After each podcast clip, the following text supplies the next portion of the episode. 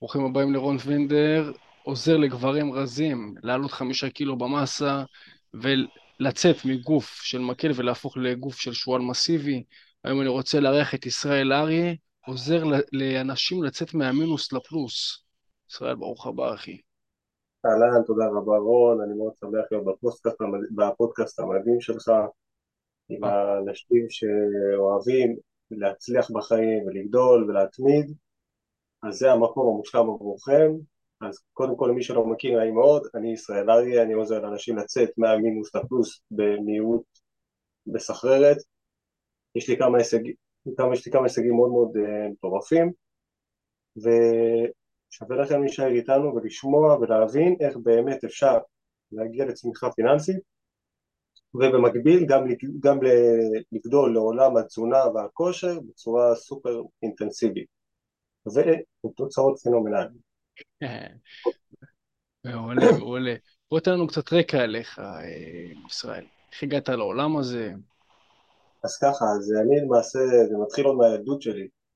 אני גדלתי במשפחה ללא אמצעים, או יותר נכון עם אמצעים מאוד מאוד uh, מצומצמים, ככה שתמיד כל מה שרציתי שיהיה לי בחיים, בין אם זה אופניים איכותיות שאני אוכל לטל איתם במקומות כמו ערים וכאלה, שזה אופניים קצת יותר טובות מהרגילות, לא היה להורים שלי את היכולת לקנות, או בין אם זה מחשב שאני אוכל לשחק במשחקים שאהבתי במחשב, לא היה לנו את זה, היינו שבעה אחים שצריכים להסתדר עם מחשב אחד.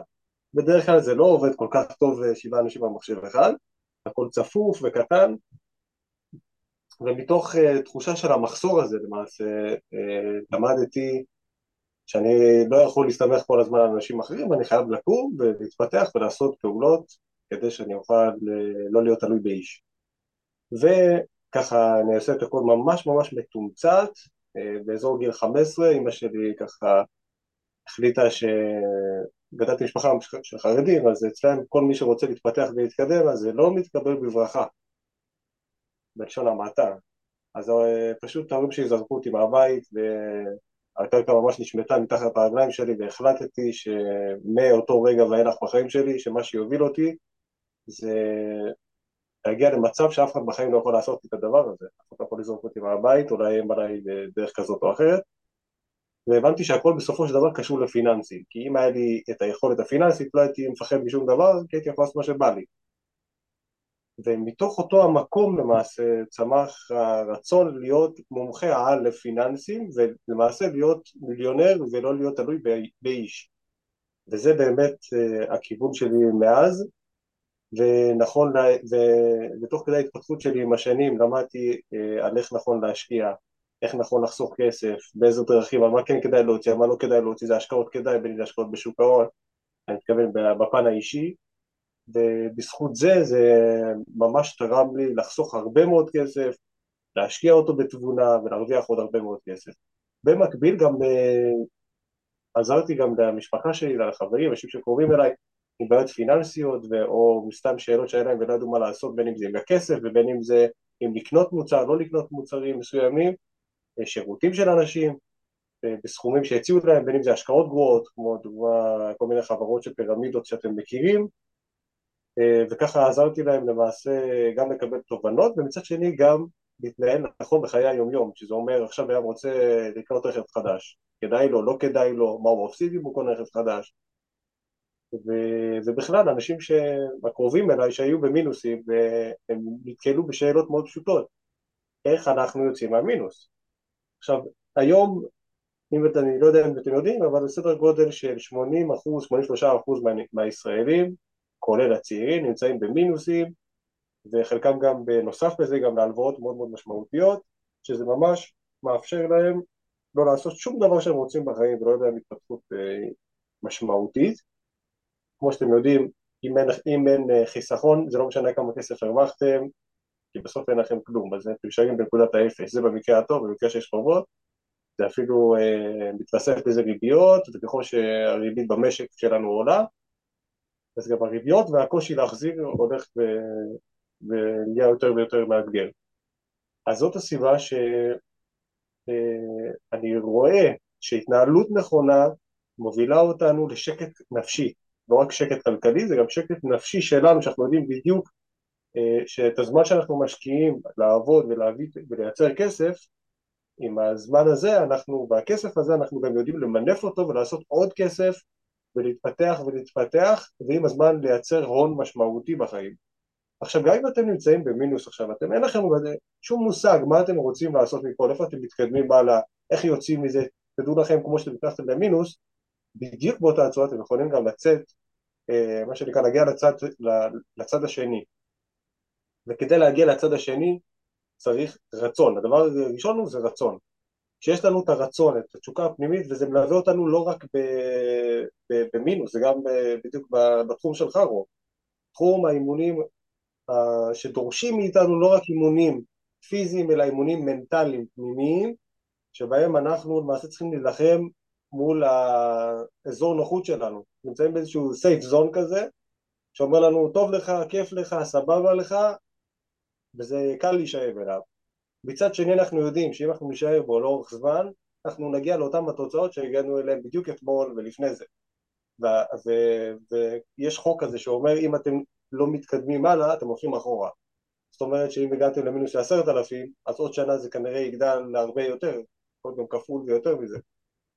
כי מה שהוביל אתכם למינוס זה ההתנהלות, זאת הדרך היומיומית שלכם שהצטברה כל יום, כל יום נהיה יותר ויותר, חודש, חודשיים, 12 חודשים, בסוף מגיעים ל, ל, לסכומים מאוד משמעותיים. ולעומת זאת, מתי שמתחילים לשנות את התודעה ולהבין לאן אני רוצה להגיע, מה הסיבה שבכלל אני רוצה להגיע למה שאני, אני רוצה להגיע לפלוס, למה אני רוצה להגיע לפלוס, למה זה חשוב לי, ואם, זה, ואם אני יודע להבין את התשובות האלה, למה, מאיזה מניע זה, אז קל לי גם יותר להבין גם תוך כמה זמן אני רוצה, כי יש כמה דרכים להגיע לעצמאות אה, כלכלית, או בכלל להיות בפלוס, וגם כשאני בפלוס, תוך כמה זמן אני רוצה להיות בפלוס? תוך חודש? תוך שנה? תוך אה, איזה זמן אני רוצה להגדיר לעצמי? כשיש לנו את שלושת הגורמים האלה, מה המטרה שלנו? מה, למה אני רוצה לעשות את זה? ותוך כמה זמן אני רוצה לעשות את זה? אז אנחנו יודעים שהסיכויים שלנו גדלים דרמטית, וככה גם אנחנו נדע גם לשאול את האנשים שמומחים בתחום הזה. מה שנקרא, מתי שבן אדם לא מרגיש טוב שבוע, שבועיים, שלוש, ככה מתי שזה ממש מתחיל להציג לו מה הוא עושה, הוא הולך לרופא, שהרופא למעשה אה, מאבחן אותו, בודק מה מצבו, ומסביר לו בדיוק מה הבעיה ומה הפתרון ומה הוא צריך לעשות. אותו הדבר בדיוק בפיננסים, זה לא שונה. הולכים לדוקטור שיודע בדיוק איך לחלץ אותך מהמצב שאין לך מושג מה אתה עושה, אתה כבר תקופה מסוימת, אתה אומר לעצמך אני חייב לשנות את המצב, חייב לשנות, אבל בפועל אין לך מושג מאיפה להתחיל, כשאין לך מושג אתה נשאר באותו מקום כי אין לך מידע חדש שעכשיו ישנה את מה שאתה יודע עד עכשיו. כאשר אתה, אתה אה, לומד ועושה את הפעולות, מה שהרופא הפיננסי שלך אומר לך שנכון לך לעשות, ותעשה אותם, אתה תראה שינויים אדירים. אני יכול לתת לכם דוגמה מלקוחה. הייתה לי לקוחה שהייתה בחובות של 190 אלף שקל, מהרגע שהיא באה אליי. סדר גודל של 60 יום, החוב הזה ירד מ-190 אלף שקל ל-84,600 פחות מ-60 יום, זה מטורף, וזה אפשרי. עכשיו זה לא רק זה, זה רק סתם לתת לכם ככה כמה טעימות קטנות, מחוב, ממינוס של 24,000 שקל למינוס של 3,990, משהו כזה באזורים האלה, 99, בפחות מ-60 יום, אז הכל אפשרי. וזה לא רק זה, אלא זה גם ההכנסות, גם דאגנו לעבוד בצורה מאוד מאוד אינטנסיבית על הגדלת הכנסות. זה לא רק לדעת אה, לא להוציא, אלא זה גם לדעת להכניס והרבה. כמובן הכל בהתאם לפי המטרה. וההכנסות שיש לכל בן אדם זה משתנה מאדם לאדם. ויש אנשים שזה יהיה יותר מהר, ויש אנשים שזה יהיה קצת פחות, שזה יהיה כמובן בהתאם לפי היכולות של כל אחד ואחד. והרצון, כי בסופו של דבר אה, זה ריצה לטווח הארוך. וכשבסופו של דבר לומדים את התחום מאנשים שהם טובים בזה. אז גם אתם אה, לומדים למעשה לא רק אה, לקבל את הדגים, אלא גם לדוג, ככה שגם מחר, בעוד שנה, עשר שנים, אתם תצליחו לעשות את כל זה לבד, בלי צורך בעוד אנשים. ומה שיישאר לכם אחרי זה, זה לשאול את השאלה הבאה, מה עושים עם הכסף? אחרי שכבר הצלחתם להגיע למצב שאתם כבר לא בחובות, כבר לא במינוסים, אז מה השלב הבא בשביל באמת לצמוח ולעשות עוד הרבה כסף מהכסף שכבר צבר. אז ככה זה הרקע בכללי, יש כמובן עוד הרבה מאוד דברים שאפשר לדון בהם ולדבר עליהם, אה, אם יש לך איזוש- איזושהי שאלה או משהו ככה, אני רואה שיש לך משהו על קצה הלשון, אז אה, כן, בואו נדבר. פרקטיקה, בואו נדבר שנייה רגע פרקטיקה. אתה מגיע לגיל 15, אין לך שום כסף, שום הון, נכון? בגיל 15 היה לי כמה שקלים, מה שנקרא, אני לא קורא לזה אפילו כסף. אוקיי, כמה שקלים, וממש היית ברחוב, ממש כך. הייתי ברחוב, לא היה לי שום דבר שיכלתי לעשות, ולמעשה זה היה גם בשמונה בלילה. ועצרתי ושאלתי את עצמי, מה, מה השלב הבא שלי? כאילו, אני לא יכול להישאר פה, מזוודה שלי בחוץ, אני עוד זוכר את הטריקה שככה, ששמעתי איך היא נזרקה מאיזה, אנחנו היינו גרים בבית של קרקע, שמעתי את הזריקה של המזוודה מעבר לגדר. זה היה פשוט אה, חוויה לא, לא מאחל אותה באמת לאף אחד, פשוט נוראי.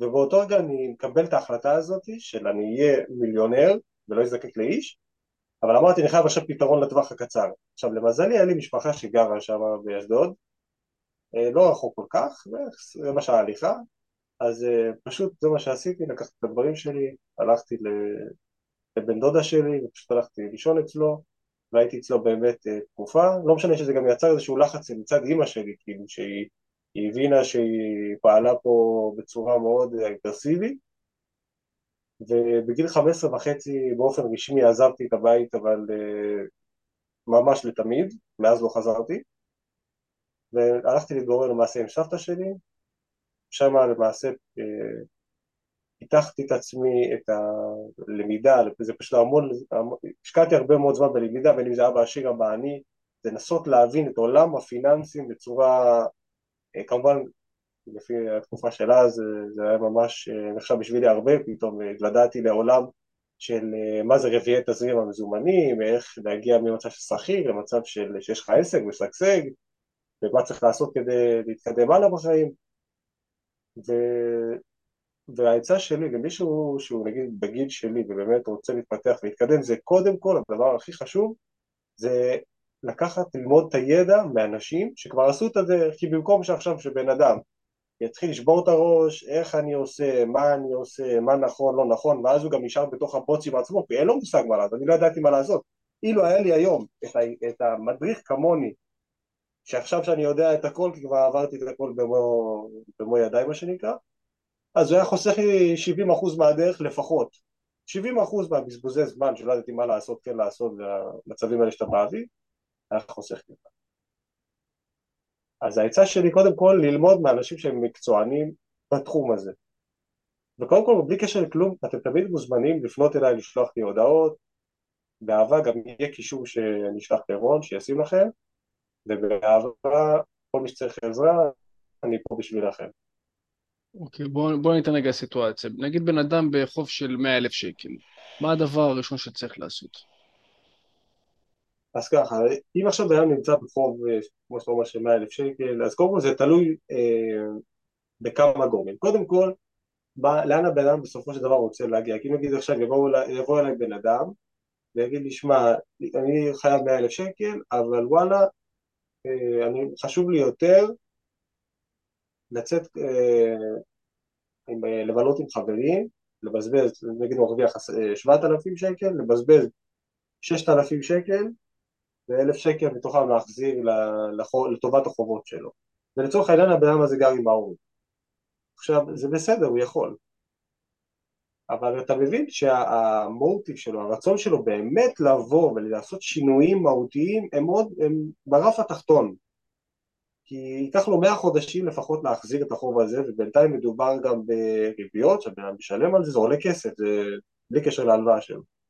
זאת אומרת, היום, היום סתם לצורך העניין, ההלוואות כאלה לוקחים מינימום באזור העשרה אחוזים, אלא אם כן הוא נמצא במצב כל כך טוב בבנק. עשרה אחוזים זה אומר עוד עשר אלף שקל צריך להחזיר כל שנה. נכון שזה יורד עם השנים, אבל בסופו של דבר הוא יכול להגיע לסכומים מטורפים של 25-30 אלף שקל שהוא יחזיר בסופו של תהליך. זה המון כסף.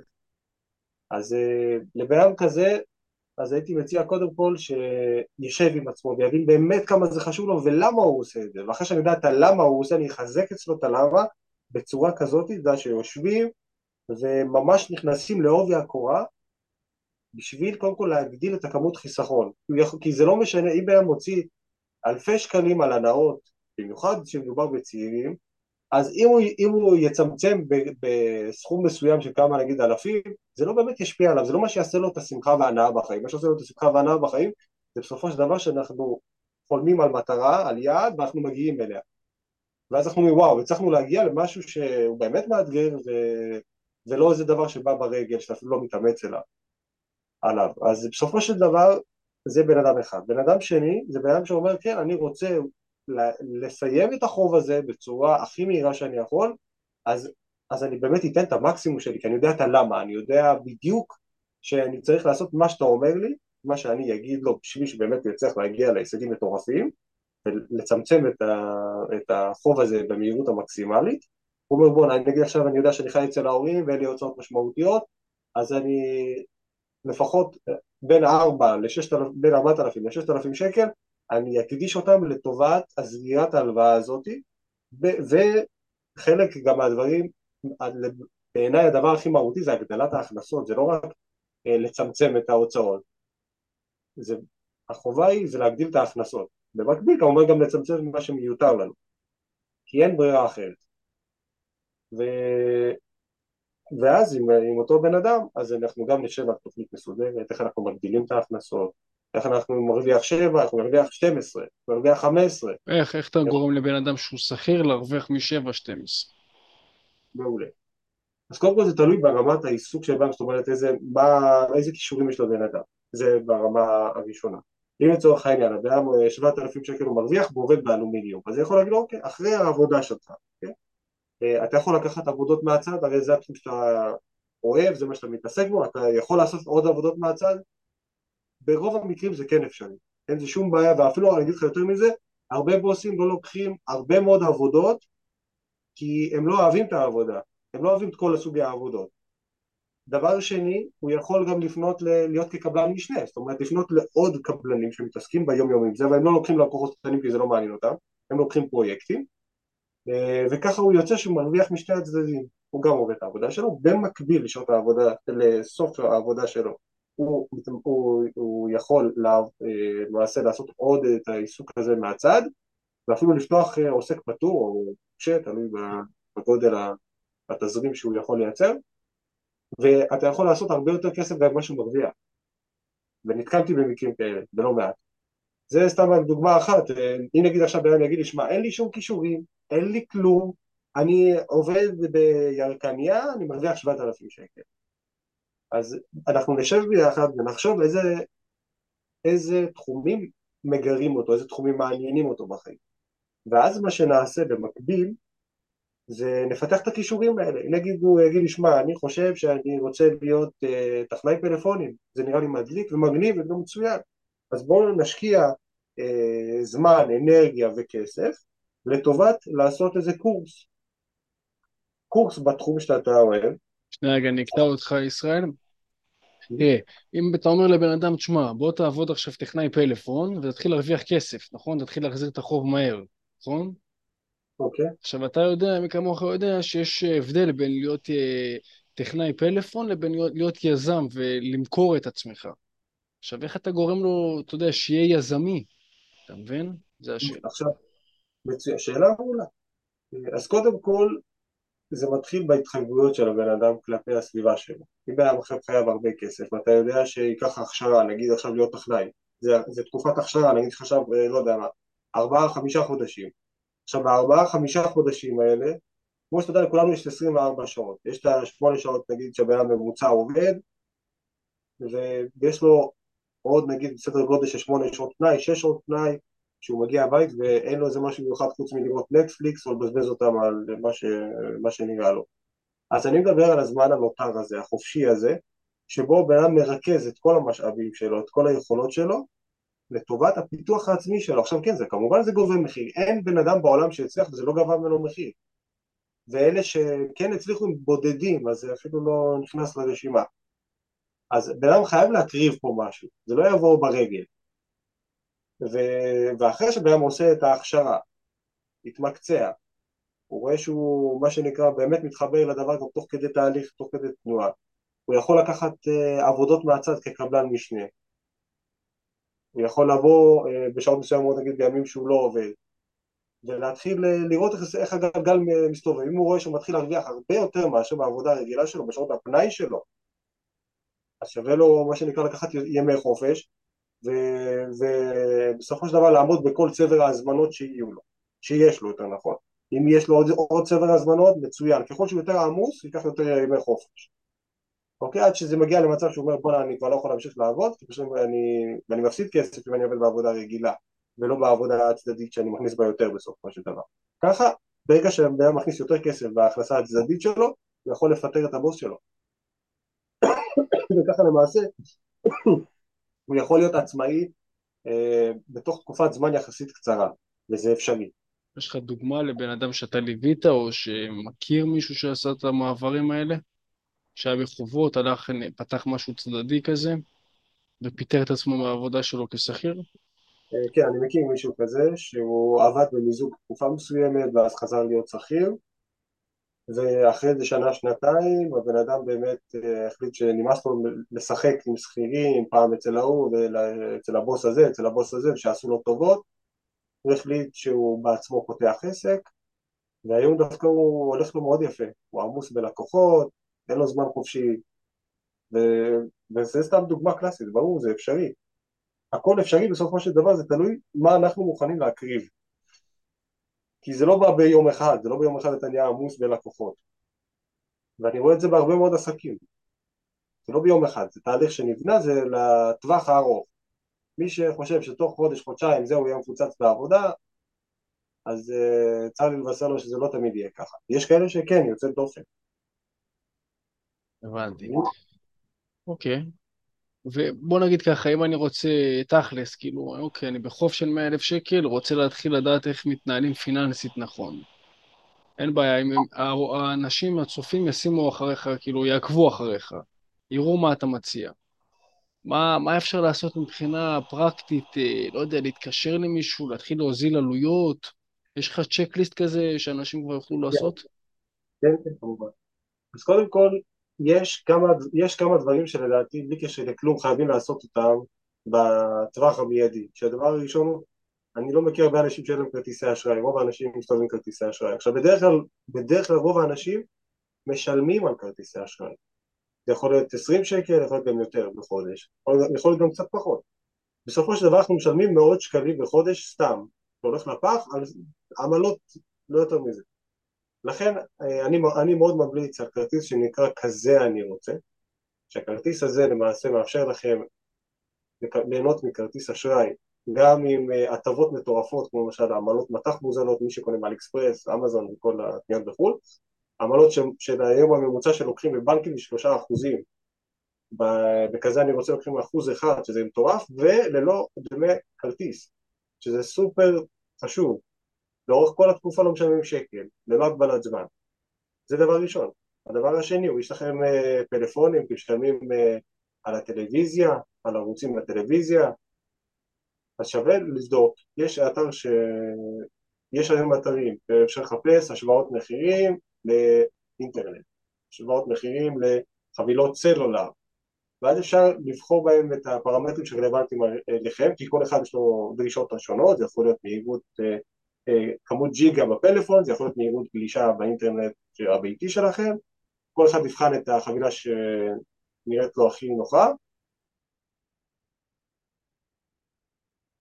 ולא שומעים אותך ישראל? כן. רגע, כן, מה אתה אומר? סליחה. כן, אני אומר, בסופו של דבר כשאנחנו בודקים את החבילות, טלפון, אינטרנט, ואפילו עוד שירותים שאנחנו צורכים, זה יכול להיות גם ביטוחים דרך אגב, היום יש, אה, היום יש גם אפשרות לבדוק את הביטוחים שלכם מול סוכני ביטוח גם פרטיים, גם, עצמאי, גם עצמאיים ולבקש אה, שייתנו לכם הצעות מחיר. ולבדוק את מה אתם מקבלים היום, יכול להיות שאתם משלמים הרבה מאוד כסף ונתקלתי בכאלה מקרים שמשלמים עשרות שקלים, לפעמים גם מאות שקלים יותר על ביטוחים סתם, שממילא לא ייתנו לכם שום דבר. אז שווה לבחון את זה, זה לא לוקח הרבה זמן, זה משהו כמו כמה דקות לכל דבר אז אה, זה שווה את ההשקעה, זה יכול להגיע לאלפי שקלים במצטבר, קל. Okay. אה, אוקיי. מעבר לזה, יש לך עוד איזה משהו שככה היית רוצה לשים לא, תמשיך, תמשיך, היית פה בשוונג יפה, מה, איזה עוד דברים אני יכול לעשות כדי לחסוך כסף יותר? אה, זה יכול להיות גם בביטוחי רכב, דרך אגב. אני סתם אתן לך דוגמה. יש איזה לקוח שלי שביקש, ביקש, קודם כל הבאתי לקוח לקנות רכב, וככה הלכתי איתו ממש בצורה יד ביד מה שנקרא, איזה רכב מעלות תועלת הכי פרקטית, הכי זול, הכי חסכוני, הכי יעיל, ובאמת מצאתי לו משהו מטורף, סתם בשביל לסבר לך את האוזן, אה, רכב שנת 2010, מציבושי לנסר, 128 אלף קילומטר, זה רכב חדש, עכשיו במושגים של השנתונים האלה, במחיר בדיחה, ויותר, ויותר מצחיק מזה, גם הביטוחים שלהם לא אמורים להיות יקרים. עכשיו, מתי שאני בחנתי את כמה ביטוחים, אז אה, אמרו לי סכומים של חמש, חמש וחצי אלף, כי יש גם נהג חדש בסיפור. ועם קצת התמקחות ומה שנקרא קצת פלפליות, הצלחתי להוריד אותו באלף שקל, לארבעת אלפים שקל. אלף שקל בדקה, לא בהרבה זמן, בדקה. מה, מה עשית כדי לעשות את זה? אז הדבר שעשיתי זה קודם כל, ממש התעקשתי איתו שקיבלתי הצעת מחיר טובה יותר. ומעבר לזה גם אמרתי לו זה יקר לי, ואני תימני אז בכלל. איך אתה אוהב את זה, אה?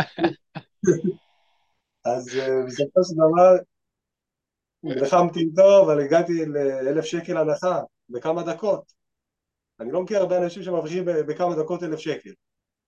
עכשיו זה אפשרי, צריך להתווכח קצת על המחיר ויהיה בסדר.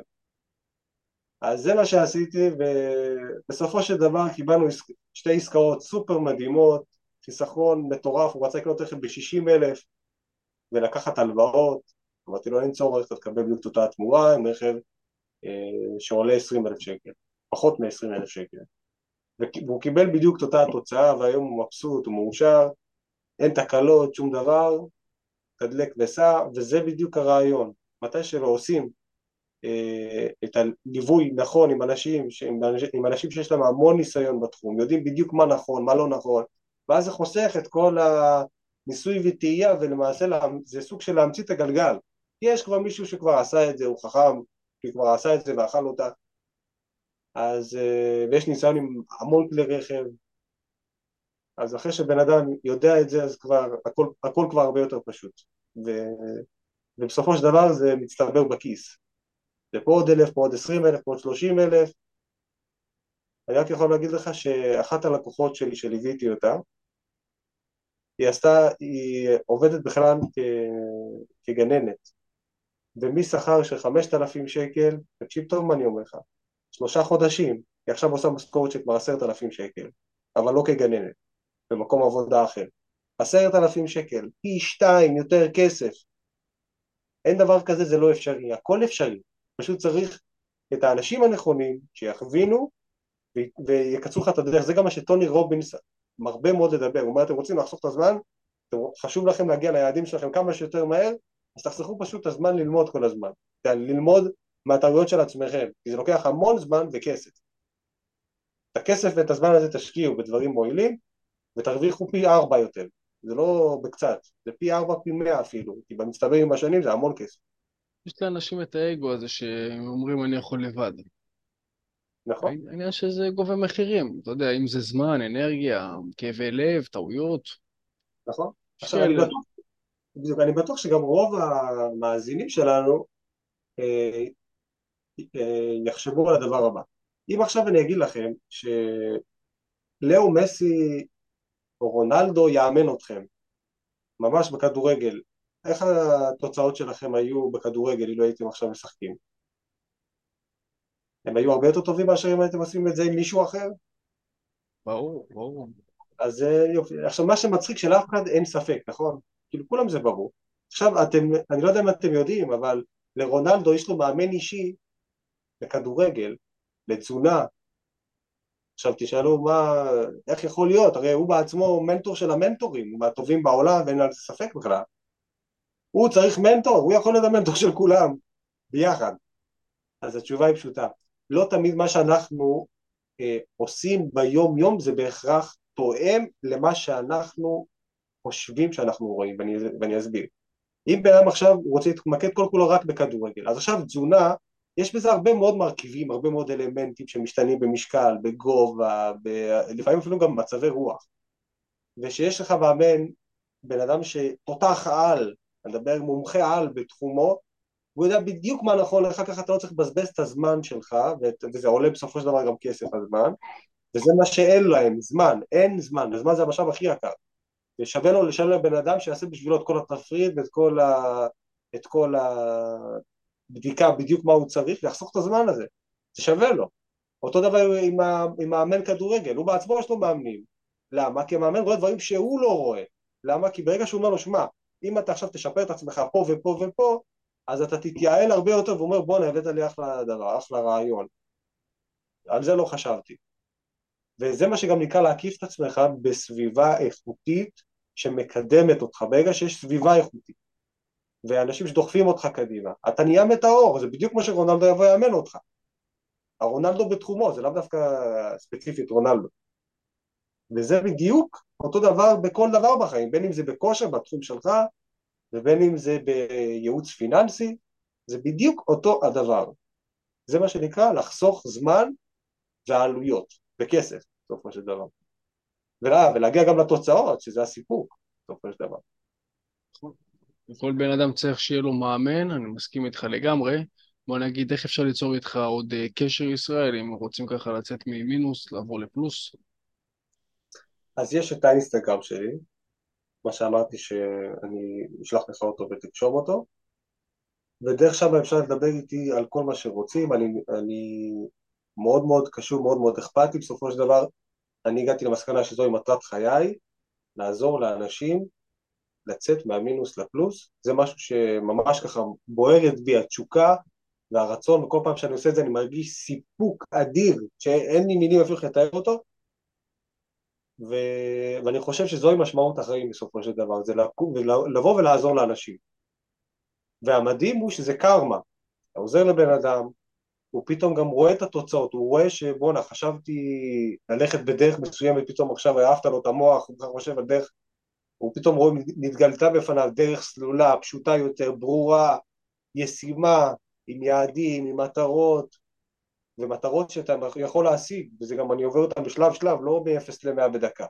ממש מדרגה מדרגה, עד שמגיעים ל- לרמות מטורפות גם בזמן קצר, זה, זה היתרון. ו- וזה לא להבטיח רק הבטחות, אתם יכולים לשמוע הרבה מאוד, בין אם זה יועצים פיננסיים או כאלה ואחרים שמבטיחים איך להגיע לצורך העניין ממינוס לפלוס ב... לא יודע מה, 90 יום, ובלי לוותר על, ה... על תענוגות החיים נקרא לזה.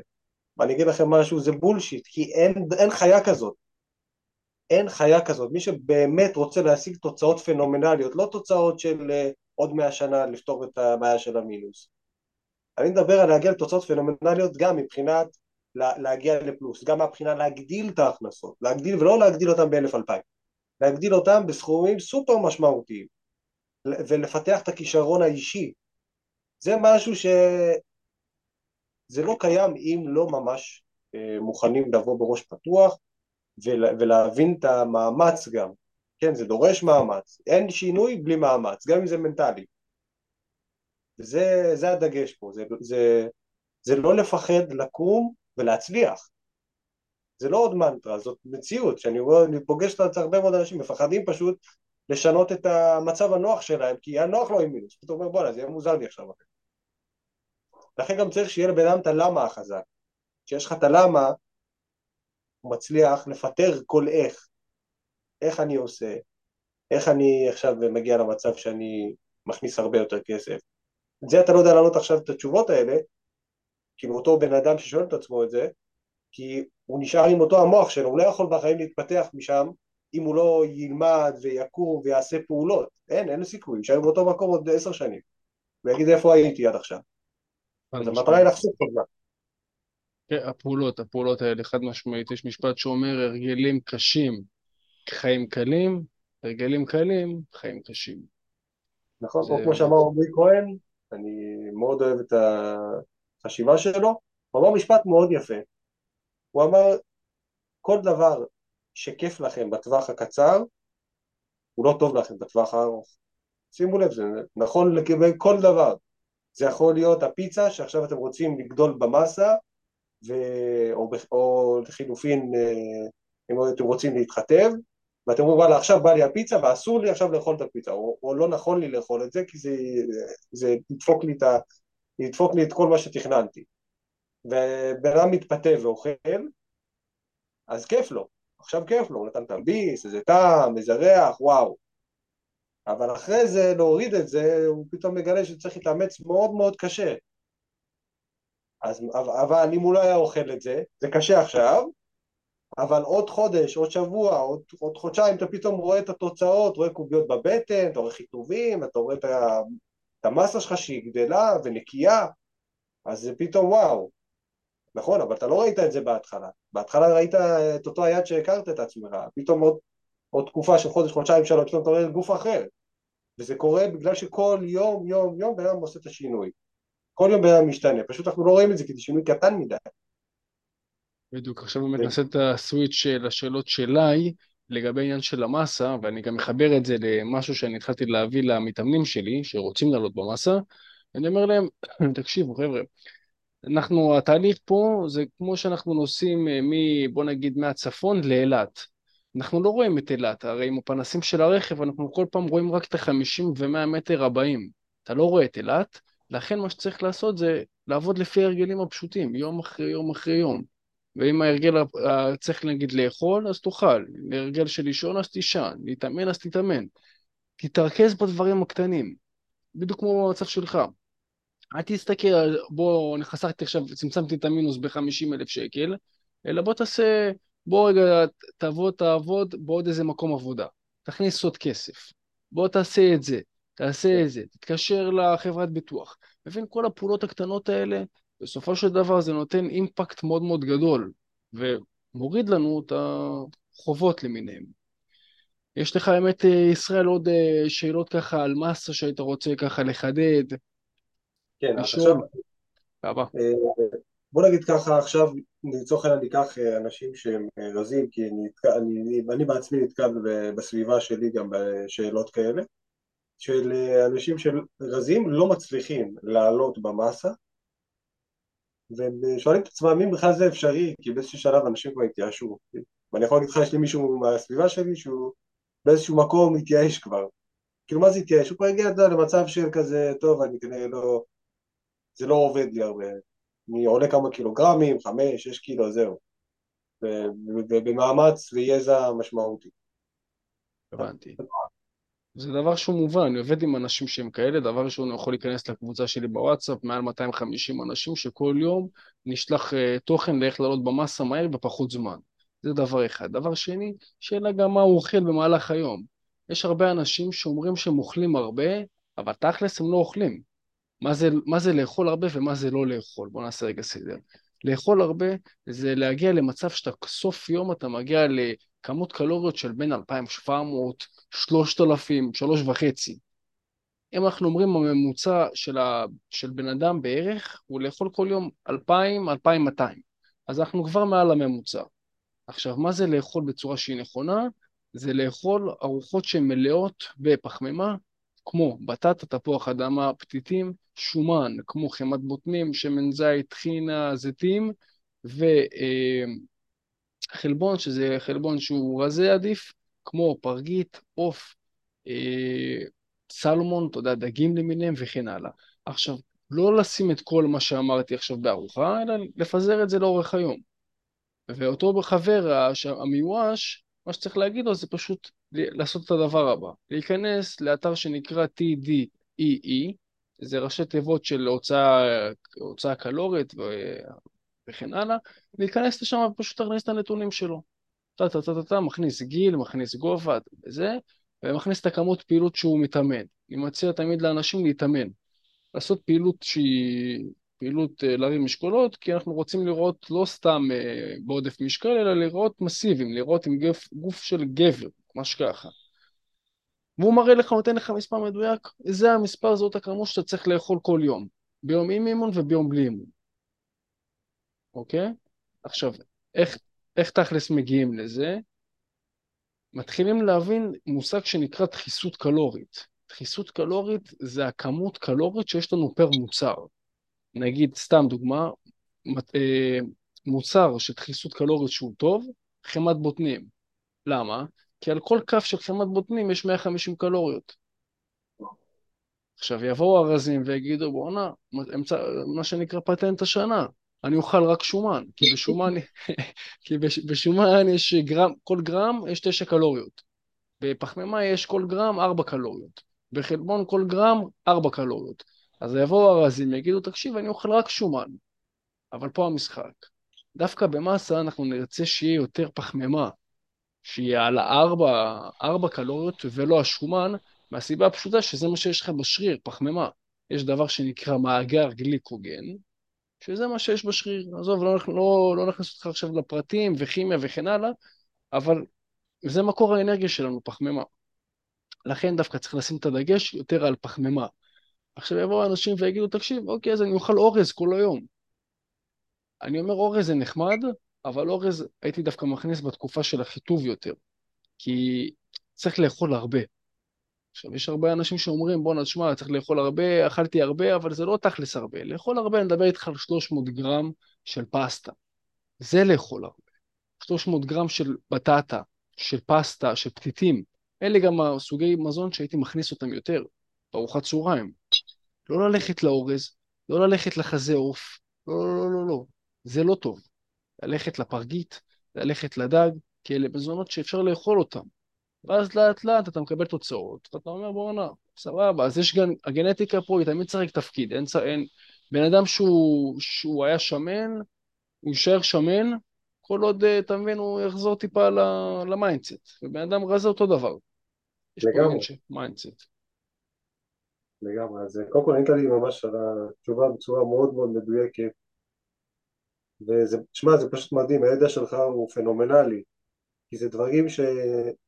אם בן אדם יודע אותם וחי אותם, לא רק כיודע, אלא כחי אותם ביום יום שלו, אז זה בדיוק, בסופו של דבר אחרי חודש, חודשיים, זה בדיוק מה שהוא צריך לעשות, זה הפעולות, זה הדברים הפשוטים, חברים, זה לא רק הדברים הבומבסטיים שאומרים לך בוא תתאמן 12 שעות uh, ביום, זה לא, זה לא רק זה, זה לארדקורים של הארדקורים, אבל זה לא רק זה, זה לא רק האימון, זה כל הדרך בכלל לפני האימון, זה מה אתה אוכל, איך אתה ישן, צודק. וזה ממש אומר זה זהב טהור, אחי. בכיף, בכיף, תודה רבה. אני אגיד לך יותר מזה. יש דבר שנקרא אימון יתר וכל מיני סטים שמיותרים. דיברו עם ברד שונפלד, דוקטור ברד שונפלד, הוא אחד האנשים החוקרים של ההיפרטרופיה, שזה העלאת מסת שריר, וזה התחום התמחות שלי. עכשיו, הוא אומר שאתה הולך לחדר כושר, אתה צריך נטו בין 10 ל-20 סטים לכל שריר, זה הכל, זאת התורה. מה אתה אומר? בין 10 ל-20 סטים. עכשיו, סט, מה זה אומר? זה נגיד סתם, אתה לוקח תרגיל מסוים, נגיד ליד אחורית, ואתה עושה פשוט סט של 10 חזרות, סט של 10 חזרות, סט של 10 אחרות, פה, פה יש לך שלוש סטים. תעשה 10 סטים בשבוע, נגמר הסיפור.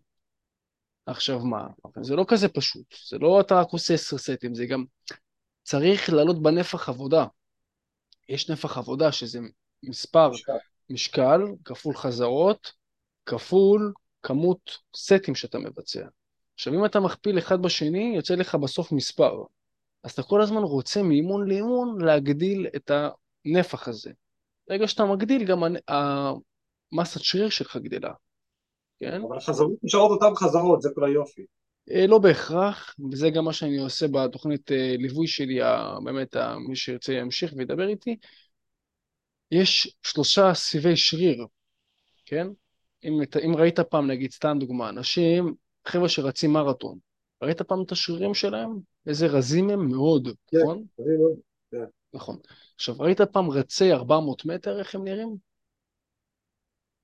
האמת, אני לא בקיא גדול, אבל אה, אני חושב שגם רזים. הם גם רזים, אבל לא יותר מדי רזים. נגיד סתם, יוסיין בולט, הוא אחד המוכרים. גם אם אתה לא רואה, אתה מכיר אותו בטח, שזה שעושה ככה. כן, כן. ראית איך הוא נראה? הוא, הוא קצת מסיבי, הוא לא עכשיו בריון, אבל יש עליו מסה קצת. נכון? זה, זה כן. הסיב השני. זה סיב הוורוד זה נקרא, ויש את החבר'ה שהם ה power ליפטרים, ה body building, החבר'ה הממש מנופחים, הסוסים האלה. זה הסיב הלבן. ברגע שאתה תוקף בתוכנית אימונים שלך כל פעם סיב אחר, אתה מגרה את השריר טוב יותר, ואז אתה גם יותר נעים לך ומאתגר לך באימון. כי פעם אחת... אוקיי, סבבה, אני אסביר. אני, אני מתאמן כבר שש שנים. יום אחרי יום, טה טה טה טה טה טה, ובוא נגיד בין ארבע פעמים לשש פעמים בשבוע. עכשיו, איך עושים את זה? אתה יודע, בתכלס זה משעמם. רוב האנשים יגידו, בואנה, זה משעמם. אז איך עושים? אחד, אני תמיד יש לי מטרה מסוימת. תמיד אני הולך, כמו שאצלך עם ההלוואות יש מטרה, רוצים לכסות את המאה אלף שקל. זה אחד. דבר שני, אני תמיד עושה, אני מגרה את השריר.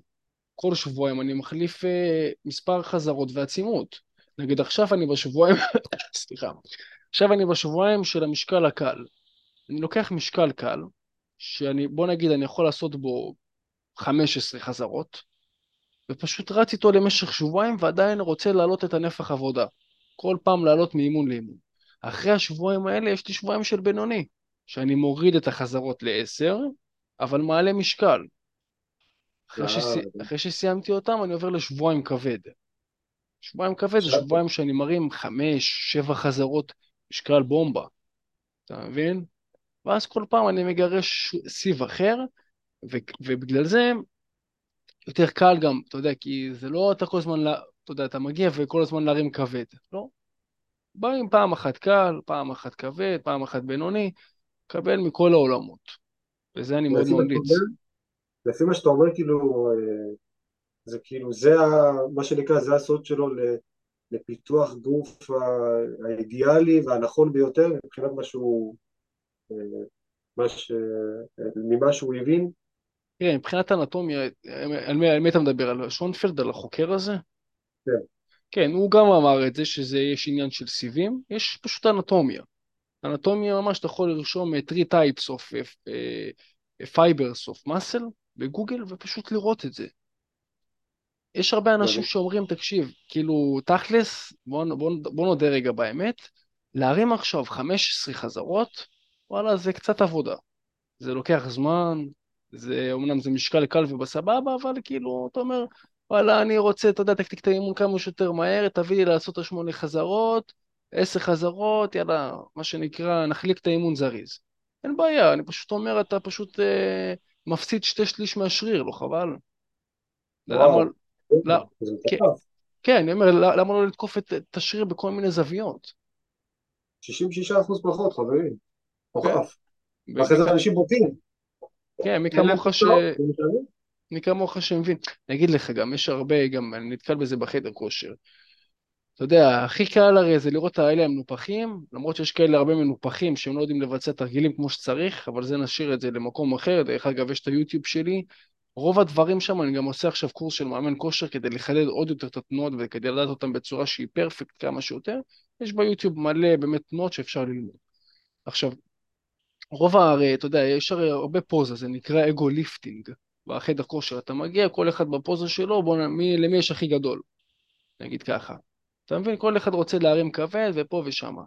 עכשיו, ברגע שאתה מרים כבד, אתה עושה, אני מקווה שאתה מרים כבד כמו שצריך, דבר ראשון, כי זה יכול גם, לג... ל... אתה יודע, ל... להידרדר לפציעות. אני אגיד לך, נגיד, סתם דוגמא, תרגיל שאני רואה אותו בחדר כושר הרבה, וחבל. יש דבר שנקרא, בטח אתה, אתה מתאמן, נכון ישראל? אני משתדל, כן, לעשות לפחות שלושה אימונים כל שבוע. אני בעיקר עובד על אירובי. אירובי. יפה, הזכרת לי משהו לפני שאנחנו נמשיך הלאה. אירובי. רוב האנשים הרזים, הם צריכים קצת לצמצם את האירובי. כי בוא נגיד, זה כמו שאני אומר את זה, כמו שאתה הולך לכנרת ואתה מנפח גלגל, ויש לך חור בגלגל. ככה זה האירובי לרזים, החבר'ה הרזים. למה? אני אומר, וואלה, במילא אין לך תיאבון, בוא נודה באמת, אתה לא אוכל הרבה. אז אתה גם רץ, אתה יודע, לרוץ עכשיו, לא שאני נגד ריצה, אני ממש לא נגד ריצה. אני פשוט אומר שצריך להבין את, ה, את ההיגיון פה של, ה, של הדברים. אני אומר, אם גם, אם גם ככה קשה לך, אל תכביד על עצמך עוד יותר. אתה מבין? כי אחרי זה גם צריך להכניס את הכמות קלוריות שהוצאת. אז יש פה איזה משחק. אז אני אומר, כן, לא...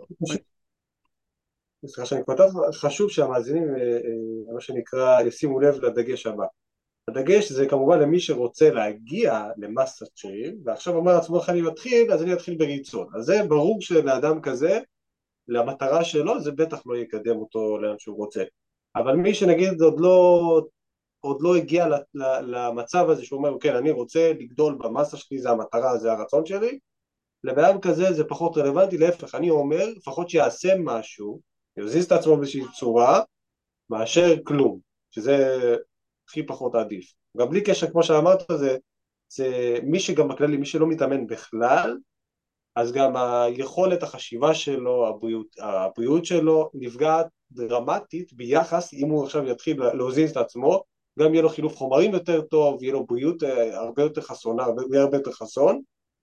ודבר השלישי הוא, גם היכולת החשיבה שלו תתפתח דרמטית, זה לפי מחקרים. אז שווה באמת, אה, מה שנקרא, להוזיז את עצמנו מהספה, מהנטפליקס, לזרוק אפילו את הפלאפון בזמן ריצה רק בשביל שנוכל באמת להתמקד ולהתחיל לעשות דברים שמקדמים אותנו. וזה בדיוק מה שאנחנו מביאים אליכם. נכון, גם הרמת אנרגיה שלו תעלה, באמת, חד משמעית. אני כמובן, דיברתי על האנשים הרזים. אני יכול להגיד לך, כמובן, אנשים רזים שהייתי ממליץ להם כמה שפחות להפחית באירובי, אבל לא להפחית מדי, כי אנחנו גם צריכים את האירובי, כי יש שם פעילות של הלב, להזרים דם לכל הגוף וכן הלאה, דבר שהוא חשוב, ואתה יודע, אנדרופינים, זה דבר שהוא מאוד מאוד חשוב. אני, גם אם יש לי, לפעמים, אתה יודע, אנחנו גם אנשים שיש לנו רגשות, לפעמים יש לך יום שהוא פחות טוב, תמיד באמת מה שמשחרר דיכאון זה גם יכול אה, הליכה. טובה, שמע איזה מוזיקה. לצאת מהבית ולא כבר ללכת לשופינגים, יכול להיות שחלק מהאנשים זה באמת יעשה להם טוב, אבל אני אומר, הדבר האמיתי הוא, הדבר הנכון הוא לא נמצא בלקנות דברים. הרבה אנשים חושבים שנגיד עכשיו הולך לשופינג, אז הוא באמת, הנה, אני מזיז את עצמי מהספה של הבית, אבל מה הוא עושה? הוא עושה לעצמו נזק מסוג אחר. מאיזה סוג? שנגיד עכשיו הוא מרגיש מדוכדך עם עצמו, קם בבוקר, לא יודע, לא יודע, קרה לו משהו, הבוס אמר לו, החברה או הסביבה, והבן אדם רוצה להוציא את התחושות האנרגיה המדוכאות האלה מהגוף שלו, אז איך אנחנו מוציאים? על ידי להעסיק את עצמנו במשהו אחר. עכשיו, עכשיו הדבר הנכון לעשות הוא, זה כמו שאתה אומר, זה ללכת להליכה, לצאת לריצה, ללכת לחדר כושר, אפילו לצאת עם, עם כמה אנשים שעושים אימון, זה בכלל ברגיל לחלוטין, או לצאת עם כמה חברים לריצה, או למה ש... או לאיזושהי פעילות, מאשר ללכת לקניון או למקומות ש... שהוא יבזבז שם גם את האנרגיה שלו, גם את הכסף שלו, ובסופו של דבר זה לא ייתן לו מבפנים כלום, כי רק האוכל בפני עצמו, הבגדים שהוא יקנה או הכסף שהוא יבזבז, זה לא מה שבאמת ברוב המקרים מסב לנו את האושר. מה שמסב לנו את האושר זה הדברים שאנחנו יודעים שיקדמו אותנו. אם בן אדם סתם קונה חולצה שיש לו עוד אלף חולצות, אולי זה ייתן לו איזושהי שמחה על חלק מהאנשים, באותו הרגע. אבל אחרי זה בסוף חודש הוא רואה את ההורדות, וכשהוא מסתכל על לאן הוא רצה להגיע, ואיך הוא עכשיו הוא לקח את עצמו עוד חמש עשרים צעדים אחורה, אז זה בטח לא יכול לקדם אותך. מה שיכול באמת לקדם זה הלקום ולעשות דברים שטובים לנו באמת לגוף שלנו, לעצמנו, לקום ולעשות, אז זאת הכוונה, וזה מה שחשוב מאוד, ואתם יודעים מה, גם אם אין לכם כוח, אין, אין עצבים. עכשיו, זה החלק שהכי מאתגר, כי גם אנחנו בני אדם, גם אני בן אדם, גם רון בן אדם, וגם לנו יש ימים שאנחנו קמים ואנחנו אומרים, וואלה, לא בא לי לקום מהמיטה בכלל, אין לי עצבים. אין לי רצון, אין לי חשק, אין לי אנרגיה. אבל תזכרו, כל מה שאתם צריכים לעשות זה חוק החמש שניות. סופרים עד חמש, אחד, שתיים, שלוש, ארבע, חמש, וקמים ועושים. ו- ומתנים את זה בעוד התניה. הצלחתם, יופי, היום נגיד דוגמה, אין לכם כוח. קמתם מהמיטה, אתם סופרים עד חמש, יופי, סיימתם לספור עד חמש, עכשיו אתם רוצים לקום לעשות כושר. אז עכשיו אם אתם תגידו עכשיו מה אני ארוץ 40 דקות, חצי שעה, אין לי כוח, עזוב. אז הפתרון הוא מאוד פשוט, תגידו לעצמכם שאתם רק, אך ורק, לובשים את בגדי הספורט, יורדים לחניה ועולים בחזרה, כלום לא מעבר, דקה לא מעבר. מה, שנקרא שתי דקות לרדת, לחזור, זהו. שום דבר. ואחרי זה מה יקרה? אתם תגידו, טוב, אני, עכשיו המוח שלנו הוא מאוד יעיל. הוא אומר, שמע, כבר התלבשתי, התאמצתי, אז אני כבר פה. אז יאללה, עוד חמש דקות, עוד שתי דקות, יאללה, ימשיך את ההליכה עד סוף החניה. מסוף החניה זה טוב, עד הקצה רחוק. ככה כל פעם, עוד טיפה, בטיפין טיפין, לא, זה מה שנקרא לאכול את כל הפיל, אבל לא בפעם אחת, בכפיות, כפית כפית. נכון, הניצחונות הקטנים האלה, אני מסכים איתך. שים את רק את רק את הפרטי לבוש, אחרי זה תלך להתאמן רק חמש דקות, ואז כבר יש אינרציה. אתה יודע, חוק החיכוך של איינשטיין, אתה מבין, איינשטיין או ניוטון, אני יודע מי עשה את זה שם, מהפיזיקאים שלנו. אין מה לעשות, אתה, נמצא במצב של אה, אינרציה כמו רכבת, 300 קמ"ש. וזה כן, גם אפרופו אחד ההרגלים שאני עושה על הבוקר כשאני קם, אני אומר מודה אני, יש לי, אני משחק שחמט, אה, נשקל, אלה שלוש דברים שאני עושה במשך שנים. עכשיו, ברגע וואו. שאני עושה וי, וי, וי, וי, רואה את הדברים, זה נותן לי כבר, אני כמו רכבת של 300 קמ"ש, אני כבר יודע מה אני צריך לעשות. זאת אומרת, עשיתי, צברתי ניצחונות קטנים, ואז אחרי זה, בדיוק, ואז הדברים הקשים או המאתגרים יותר, נהיים מה שנקרא לבלוע את הצפרדע, יש כזה ספר, אני צריך לקרוא אותו, שאתה אומר, אתה כאילו, אתה, אתה מקבל תנופה בהתחלה, ואז אחרי זה אתה בולע את הצפרדע, אתה כאילו לוקח את הדברים הקשים, ואתה עושה אותם, אין לך בעיה, אתה לא מפחד מהם, אתה כבר צובר מומנטום. אתה יודע מה זה מזכיר לי? בדיוק מה זה המילים הפשוטות הרגלים. הרי תחשוב רגע, מה אנשים אומרים? נגיד, אה, אני התרגלתי לנסוע דרך מקום מסוים, נגיד דרך כביש מסוים, ויש לך עכשיו כביש חדש והוא חוסך חמש דקות נסיעה. אבל מה קורה לרוב האנשים על הגלקסיה הזאת? אומרים, לא, תן לי ללכת בדרך שאני רגיל אליה. למה? כי המוח שלנו עובד תמיד על מצב של לחסוך באנרגיות. איך הוא חוסך באנרגיות? הוא אומר, שמע, למדתי עשר פעמים שא', ב', ג', שאם אני נוסע דרך פה, אז זה הכי מהר לי. אבל אם יש דרך חדשה ואתה לא תנסה, איך תדע, כאילו יכול להיות שהיא באמת תחסוך לך כל כך הרבה זמן, ובגלל שהמוח רוצה לחסוך לך באנרגיה, אז הוא, אז הוא בסופו של דבר לא לוקח אותך דרך שם, הוא אומר לך מה יש לך לנסות, הנה אתה מכיר את הדרך, אותו דבר הרגלים שלנו, אנחנו רגילים לא לעשות, מה זה לא לעשות? הרי אנרגיה אתה בכל מקרה הגוף יתאמץ, כאילו כשאתה פותח עיניים הגוף עובד, המחשב דולק מה שנקרא, וזה גם לוקח אנרגיה, אז מה לא לעשות כלום? אז מה זה ייתן לך באותו רגע?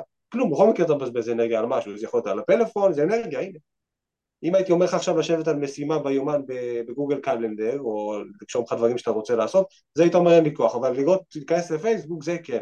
הרי בשתי המקרים אתה צריך להפעיל את הידיים, נכון? ו- וכמה מחשבה זה ייקח לך להגיע למה שאתה רוצה ממילא. אז זה נגיד כוחו של ההרגל, מה המוח אומר לך? לא, הכי קל זה לגולל. אבל זה, אם תסתכלו על הדברים באמת, זה לא באמת כזה שונה, זה אותו מאמץ, זה פשוט רק במוח. המוח התרגל, זה הכל. תראה, נכון, זה כמו שאמרת מקודם, הרגלים אה, קלים, חיים קשים. שוב, זה, זה לא כיף, באמת, אני אומר לך, אני יכול להגיד לך כזה דבר עליי. אני כל שבוע, יום שישי, אני, אני ואח שלי כבר מכינים במשך שנים, כבר לפחות איזה ארבע, חמש, אם לא יותר, אוכל על בסיס שבועי למשך שבוע שלם. האם בא לי? וואלה, לא בא לי, אחי. אני מעדיף שיהיה לי, שיהיה לי אחת שאני משלם לה, ובעתיד זה מה שיקרה ככל הנראה, או גבר שאני אשלם לו שיכין את האוכל. אני צריך את כל הדברים, ואני אומר לו, תפריט מה צריך לעשות, שיכין. אני היום, כל שעתיים שלוש, אני צריך, אה, כאילו כל אה, יום שישי, שעתיים שלוש, אני צריך לבשל. לא כיף לי, לא בא לי, זה, זה, הקרבתי, אתה יודע, גם בכדורגל, אז ששיחקתי עם החברים בשכונה, כי צריך לצאת מוקדם כדי להכין אוכל. אומנם אני לא בא ממשפחה מעוטת יכולת, חלילה, תודה לאל, אבל ההורים, אתה יודע, לא, לא מכינים אוכל, ואני בן אדם שהתזונה מאוד מאוד חשובה לו, ואחותי ואח שלי, אז הם פשוט אה, מקריבים ומכינים. זה, זה כאילו זה הם מכינים או שאתה מכין? לא, זה. עובד? תגיד, אני הייתי בזמנו בצבא, הייתי, הייתי לוחם, ואז זה היה קטע שגם אה, נפלתי כביכול במרכאות מלוחמה להיות טבח. ארבעה חודשים, לא ואז חזרתי. עברת מקצוע. עברתי מקצוע, בדיוק, נקרא לזה, אתה מעדן את זה, סבבה. עברתי מקצוע, אבל אז אחרי זה כן חזרתי, גם אני מרחיב על זה גם בספר שלי, מה עשיתי, באמת אם אתה חייל ושומע אותי, אז באמת אני מרחיב שם, זה ספר שנותן באמת עוד אה, צבור, עוד ביטחון עצמי, ומשם, משם, סליחה, קיבלתי את כל הטכניקות חיתוך. ואמרתי, בואנה, אני כבר חותך וזה, ויודע טכניקות וטעם, הייתי אחראי על הסלטים. ומוציא סלט, ופה ושם, ומטבל, וקצת יודע, ונוגע, ופה ושם, ואז אמרתי לאח שלי, יאללה, בוא, תשמע, בוא, בוא נתחיל להוציא ארוחות שישי. ומאז ועד היום, כל פעם אני משתדל, תמיד גם, אמרנו גם, אתה יודע, להפעיל את המוח, כל הזמן אני מנסה לעשות דברים חדשים. בתחום של הבשר והפחמימה. כל הזמן. כל שבוע, אם זה צלייה, אם זה אה, בשר, גם כי אני אוהב ללמוד, אתה יודע, גם, אתה יודע, זה נחמד ללמוד דברים חדשים ושיוצא לך טעים, וגם כי, אתה יודע, אין ברירה. או בוא נודה ועכשיו באמת. המאזינים שלנו רעבים. רעבים, כן. כבר. האמת, גם אני נהייתי רעב קצת, ובאמת השעה שצריך קצת להכניס איזה משהו. בכל אופן, באמת, אם שמעת את כל הדברים, וכן אה, אהבת את הפן שלי, כרגע, אז באמת אתה יכול להצטרף לקבוצה שלי בוואטסאפ, מעל 250 אנשים נמצאים שם, שכל המטרה זה לעזור לך לעלות במסה מהר בפחות זמן. אני משחרר שם כל יום טיפים, כל מיני פודקאסטים, כל מיני דברים ספציפיים שאתה לא תמצא בשום מקום, זה מהבחינה שלי, אני אשלח לך כן לינק למטה. וישראל, עוד ככה באמת מסר אחרון לחבר'ה, משהו שאתה רוצה להגיד? חברים, בסופו של דבר, אנחנו, אנחנו כל החיים שלנו, אנחנו נלמד, נחכים, בסופו של דבר יש דבר אחד שקובע, זה רק המעשים שלנו. וככה גם אני מציע לכם גם למדוד, לפני שאתם אה, נגיד הולכים אה, ללמוד ממישהו, שהוא יהיה המנטור שלכם, שיכווין אתכם ויקצר לכם את הדרך משמעותית. בסופו של דבר צריך לוודא שבאמת אנחנו מוכנים לקום ולעשות. לעשות, זה הכל. הכי חשוב, מעשים. בדיוק, בדיוק, רק מעשים. זה בסופו של דבר מה שמבדל אותך משאר האנשים. זה הכל. וואלה, באמת ישראל, אני שמחתי באמת לדבר, להכיר. לא, באמת חידשת לי גם עם הכרטיס, איך זה נקרא הכרטיס אשראי? אני רוצה... כזה אני רוצה של מקס, זה בחינם, אפשר אה, לרשום את זה בגוגל, ממש דקה וחצי ממלאים, וגם מקבלים שליח עד הבית, בכלל זה מדהים. יש לכם גם, אה, ככה, אה, להוסיף עוד מילה, יש גם עוד דרך להוזיל עמלות בבנק למשל, זה, יש כמה דרכים, אחד מהם הפשוטה, המהירה והכי קלה, זה נקרא פפל של בנק לאומי, זה למעשה הכל דרך אפליקציה, הכל דיגיטלי, לא צריך להגיע לשום מקום, ממש תוך עשר דקות אתם יכולים פה לסיים את כל ההרשמה ויש לכם אה, בנק ללא עמלות, ללא עו"ש כלשהו, כאילו ללא עמלות עו"ש כלשהם, שזה מה שחשוב ויפה, וזה לבד חוסך מאות שקלים כל שנה. אז מי שרוצה לחסוך כסף בדרך הקלה, הנה דוגמה. דרך אגב, שתי, רק שתי הדברים האלה שאמרתי עכשיו, הם חוסכים לאנשים בממוצע באזור ה-500-600 שקל בשנה. מטורף, מטורף. לא, אני בטוח שכל מי שיעבוד איתך הוא רק ירוויח. חבר'ה, באמת פנו אליו ישראל אריה באינסטגרם, תוכלו לשאול אותו עוד שאלות פרטניות. כן, ואני אשלח לך גם, אה, יש קישור למטה, אני אשלח לך גם.